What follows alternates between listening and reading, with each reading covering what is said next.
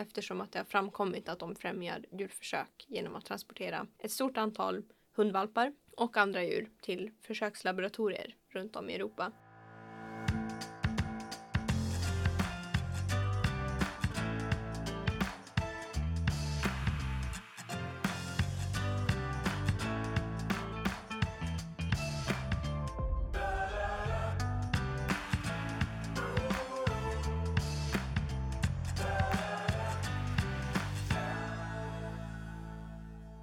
Hej och hjärtligt välkomna till Djurens Rätts podd på Djurens Sida. Jag heter Matilda Anti och arbetar som politisk sakkunnig hos Djurens Rätt och sitter här som vanligt tillsammans med Sebastian Wiklund, samhällspolitisk chef hos oss på Djurens Rätt. Och eh, tillsammans så brukar vi en gång i månaden bjuda på spaningar och fördjupningar i djurpolitiska frågor. Så genom att följa podden så kommer du få bättre koll på djurpolitik på samhällets olika nivåer. Vi har ju varit på sommaruppehåll men nu är vi tillbaka. Ja, absolut. Hur har du haft det då? Matilda? Jo men jag har haft det bra. Jag har gift mig, därav mitt eh, nya eh, efternamn. Tack så mycket. Kändes lite ovant att presentera sig så. Nej men jag har haft det bra. Sen har jag hunnit besöka sju olika länder på bröllopsresa så att jag skulle ljuga om jag sa att jag var utvilad. Men jag är jag mår bra och jag är glad att vara tillbaka eh, i lite rutiner. Och eh, ser fram emot hösten. Vilken resa. Eh, Balkan. Ja, ja. precis. Hur har du haft det? Jo då, jag har haft det bara bra. Eh, jag har inte gift mig, Nej. men det har jag gjort tidigare i år. Så att, eh, Grattis i efterskott. ja, några år för sent. Men eh, vi har i alla fall eh, umgåtts med familj och vänner och eh, haft eh, bra. Gjort många roliga saker och sådär. Så att eh, jag får nog säga att jag känner mig utvilad. Fast jag har ändå varit igång i ett par veckor så att eh, jag är inne i jobbet också. Ja. Så det känns som bara ett, bara ett tag sedan. Precis. Men vad ska vi prata om idag då, Matilda? Ja du, vi ska, det är ganska mycket. Vi ska först och främst lyfta en positiv nyhet som har kommit från Norge, som rör turbokycklingar. Sen ska vi nämna en skrivelse till SAS om djurförsök som Djurens Rätt har tagit fram angående att det har uppdagats att företaget transporterar bland annat hundar till djurförsök. Eh, och sen ska vi ge en eh, lägesuppdatering för de europeiska medborgarinitiativen Save Cruelty Free Cosmetics och även för Fur for Europe där det har hänt en del under sommaren. Och sen ska du göra ett nedslag i arbetet med en europeisk proteinstrategi som pågår Mm. på EU-nivå och eh, slutligen så rundar vi av genom att blicka framåt lite och se vad som är på G under hösten.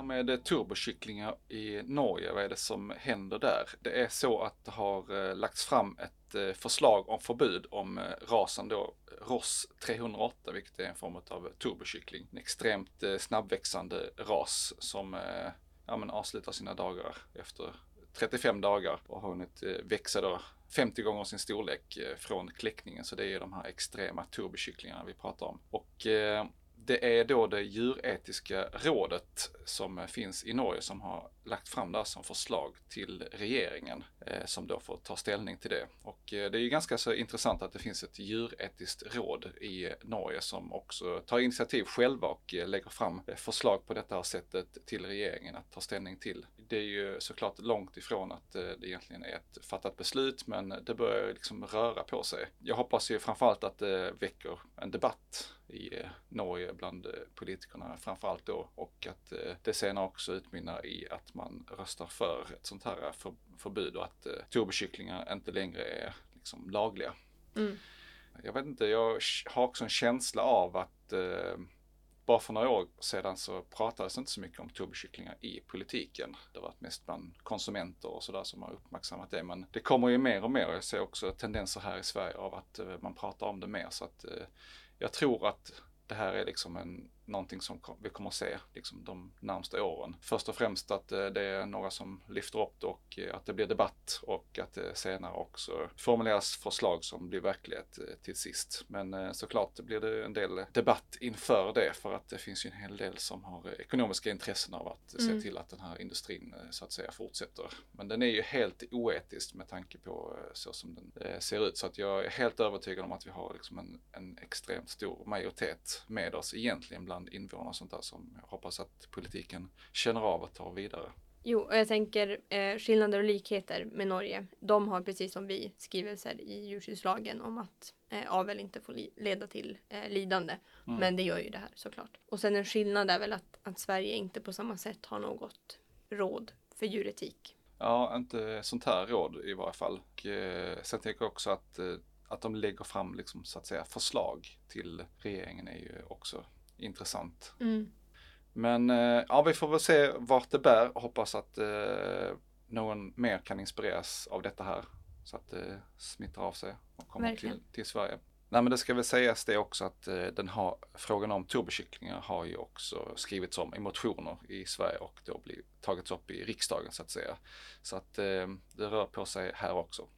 Jo, och eh, jag tänker de här förslagen som har varit uppe i Sveriges riksdag har inte tagit sig någonstans. Landsbygdsministern verkar inte så, så pepp på att eh, fasa ut det. Men vi hade en positiv nyhet också från ett annat grannland här innan sommaren. Danmark. De har gjort en bred överenskommelse för att fasa ut turbokycklingarna. Så att eh, ja, det rör på sig betydligt snabbare i Danmark och Norge. Eh, så då kanske det får fart här också.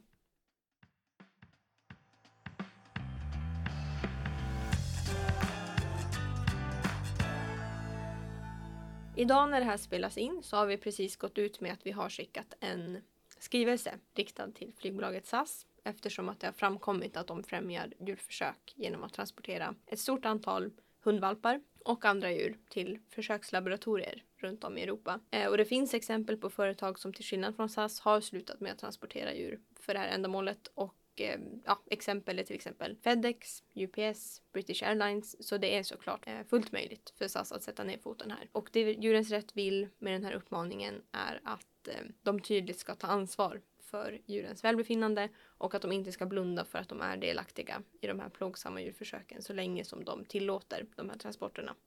Precis, och vi skickade ju det här eh, skrivelsen också till SAS för några dagar sedan och Mm. eh, när vi sitter här så har vi åtminstone inte fått något eh, svar eller respons på det så vi vet ju inte hur de ställer sig om de har börjat tänka om eller liknande men vi får så att säga återkomma Ja, till förhoppningsvis har vi anledning att återkomma redan Mm. i nästa avsnitt.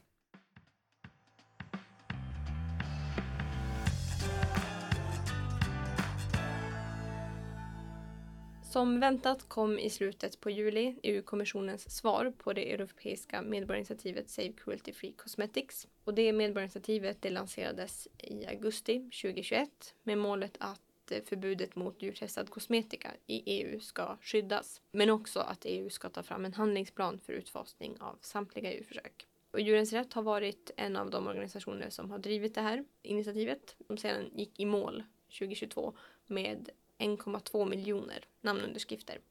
Och det var i mångt och mycket ett eh, positivt besked som kom från kommissionen som bland annat meddelade att de ska ta fram en, en färdplan och att det europeiska forskningsrådet ska få i uppdrag att koordinera nationella riktlinjer eh, som ersätter användandet av djur i forskning. Jo, och en expertkommitté ska tas fram och en eller flera workshops ska arrangeras med experter och så vidare. Men varför är vi då inte helt nöjda? Jo, en väldigt central del som missades, det var medborgarnas efterfrågan på just ett starkt förbud mot testning av djur för skönhetsprodukter. Eh, och det här förbudet det finns redan sedan ungefär ett årtionde tillbaka men det följs inte. Och nya riktlinjer för produkters säkerhet innebär att mängden djurförsök även väntas öka de närmaste åren.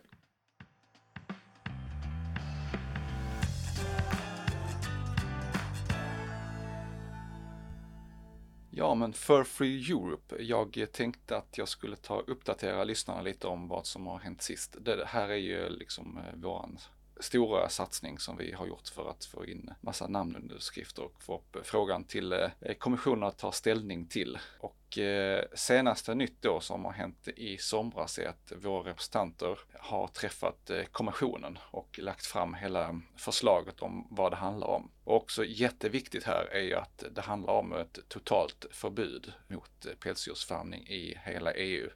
Så att man inte går in på någon linje av att förbättra djurvälfärden eller liknande. Det är absolut inte aktuellt. Eh, men jag säger det därför att jag vet om att det har funnits sådana diskussioner eh, fortsatt. Men det, men det är liksom inte alls aktuellt utan eh, vi presenterar då hela förslaget för kommissionen. La fram också, tog också fram det här till exempel att Agrifish, där vår, vår landsbygdsminister sitter med, eh, där var ju bred majoritet utav länderna som också ställer sig bakom eh, förslaget om för Free Europe. I en skrivelse eh, strax innan sommaren i juni tror jag det var. Ja, och eh, vad händer framöver då? Ja, men kommissionen har ju som uppdrag då att eh, återkomma med sitt besked inom ett eh, halvår. Vi följer detta här med spänning och försöker trycka på också så gott vi kan för att alla ska kunna dra åt samma håll. Mm. Men eh, jag tänkte på det innan vi avslutade här förra sommaren så tog jag upp några positiva saker som vi eh, noterade i Almedalen. Mm. Vill du kanske säga någonting om vad som hände där? Jo, precis. Nej, men det vi hade, mm, de besked vi hade innan eh, Almedalen då, då det var att eh, Vänsterpartiet och Miljöpartiet hade ställt sig bakom och uttryckt sitt stöd. Eh, men vi hade fortfarande inte fått några signaler från Liberalerna till exempel, som vi ju vet är för ett nationellt förbud mot pälsdjursfarmning. Eh, men efter seminarierna i Almedalen så stod det klart att vi fick positiva signaler, inte bara från Liberalerna utan också från Socialdemokraterna och Sverigedemokraterna och Moderaterna. Så det var väldigt eh, hoppfullt. Så vi kan säga att de enda partierna som inte har skickat sådana positiva signaler det är Centerpartiet som vi inte räknar med stöd från och Kristdemokraterna som inte har ja, sagt någonting. Men där är vi väl inte jättepositiva heller. Men lägga till där för att ge lite cred till Emma Wiesner som var på ett av eh, våra seminarier mm. så eh, får man ändå säga att hon själv gärna ville se eller ställa sig bakom For Free Europe men hon visste inte riktigt var hon hade sitt parti. Ja, precis. Så att vi kan väl ändå hoppas att hon trycker på då då men eh, vi får se. Mm. I alla fall många partier som har eh, ställt sig positiva. Så det är jättebra. Och jag tänker att nästa steg är också att, eh, för det här var en hel del riksdagsledamöter som vi träffade i Almedalen. Mm. Så att man också har ett eh, snack med våra Europaparlamentariker som också ställer sig bakom då så att säga förslaget. Mm.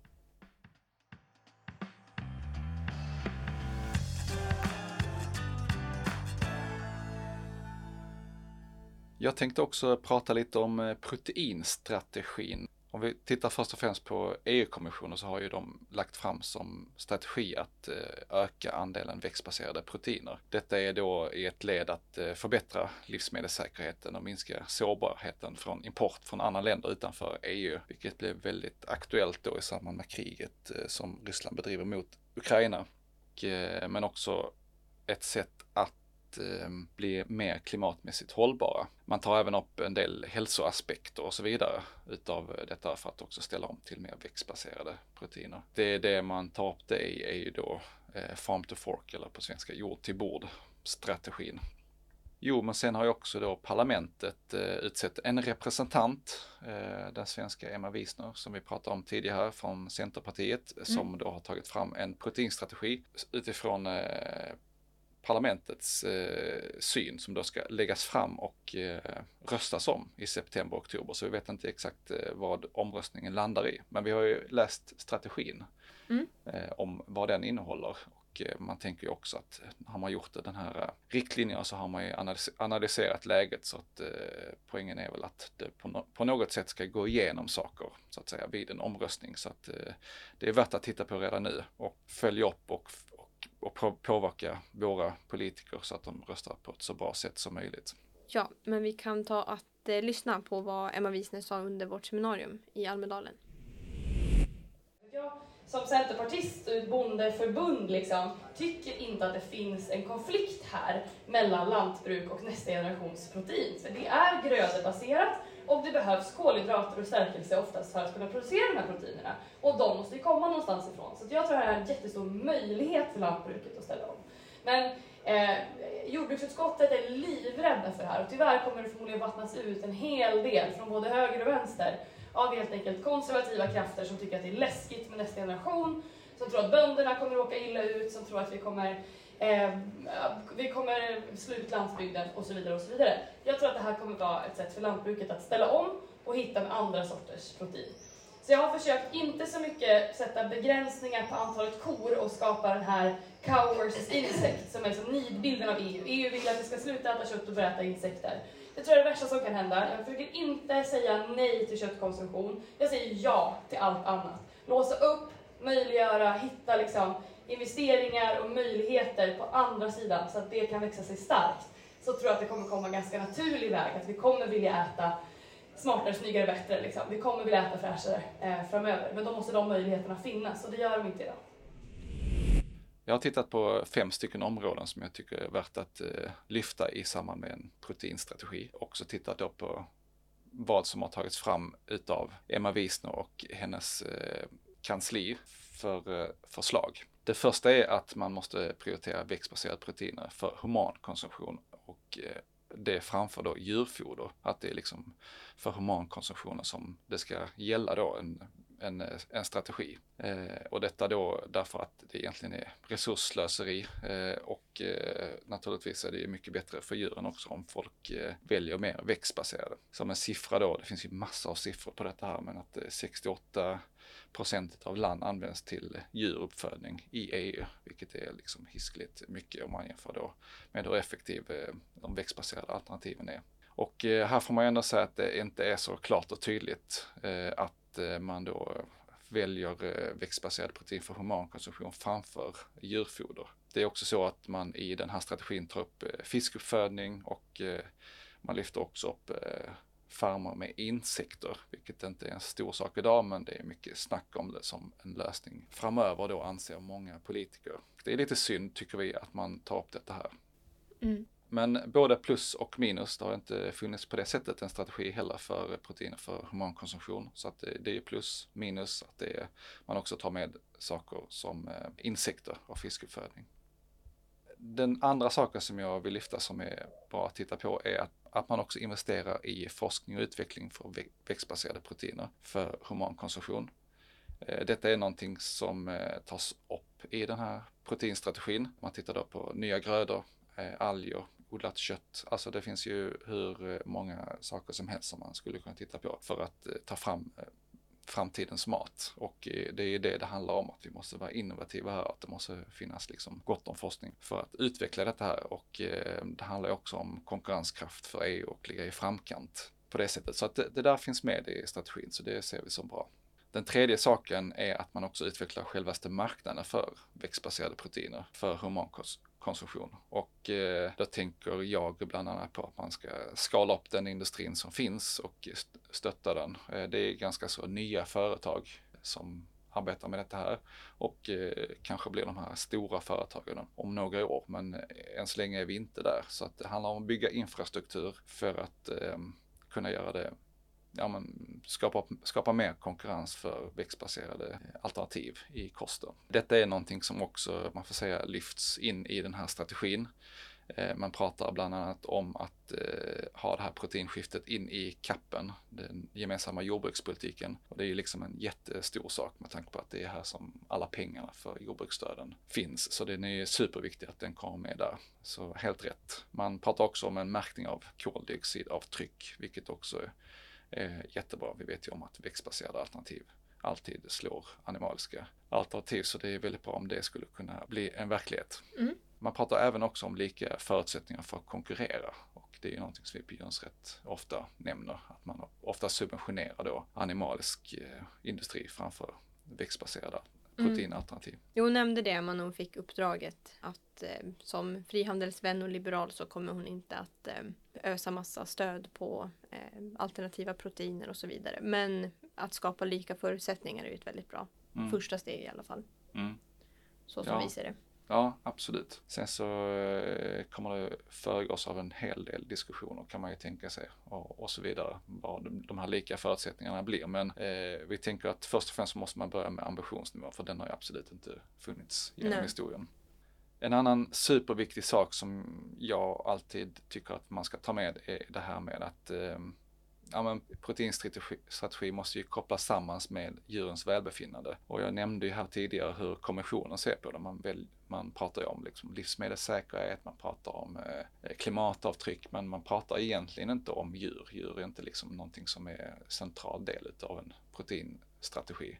Mm. Jag tycker verkligen att det eh, glöms bort och det är väldigt synd. Eh, framförallt utifrån, utifrån ett etiskt perspektiv naturligtvis som vi tittar på. Mm. Men också från ett hälsoperspektiv med tanke på zoonoser och annat som, som är risk i samband med eh, att man håller djurindustrier på det här sättet.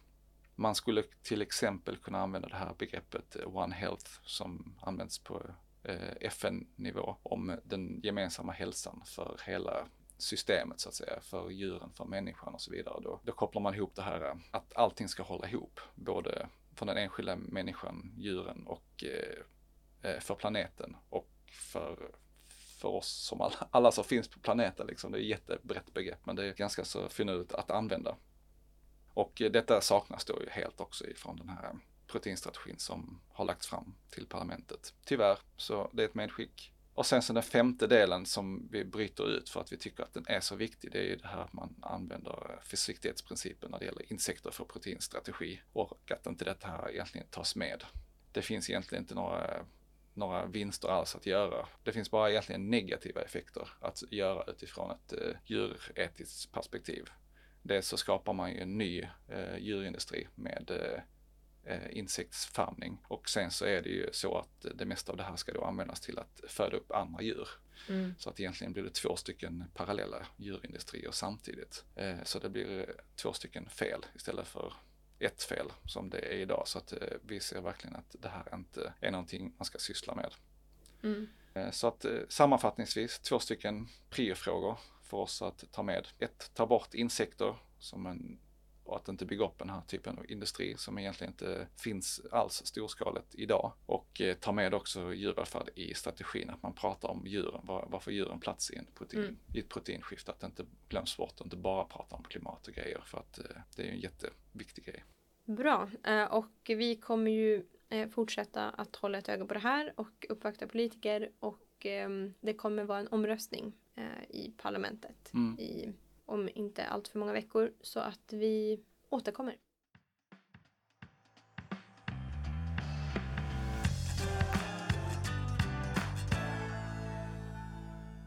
Nu går vi ju in i hösten och nu börjar det brännas för snart är det som vi och alla andra djurvänner i Europa har väntat på så länge här.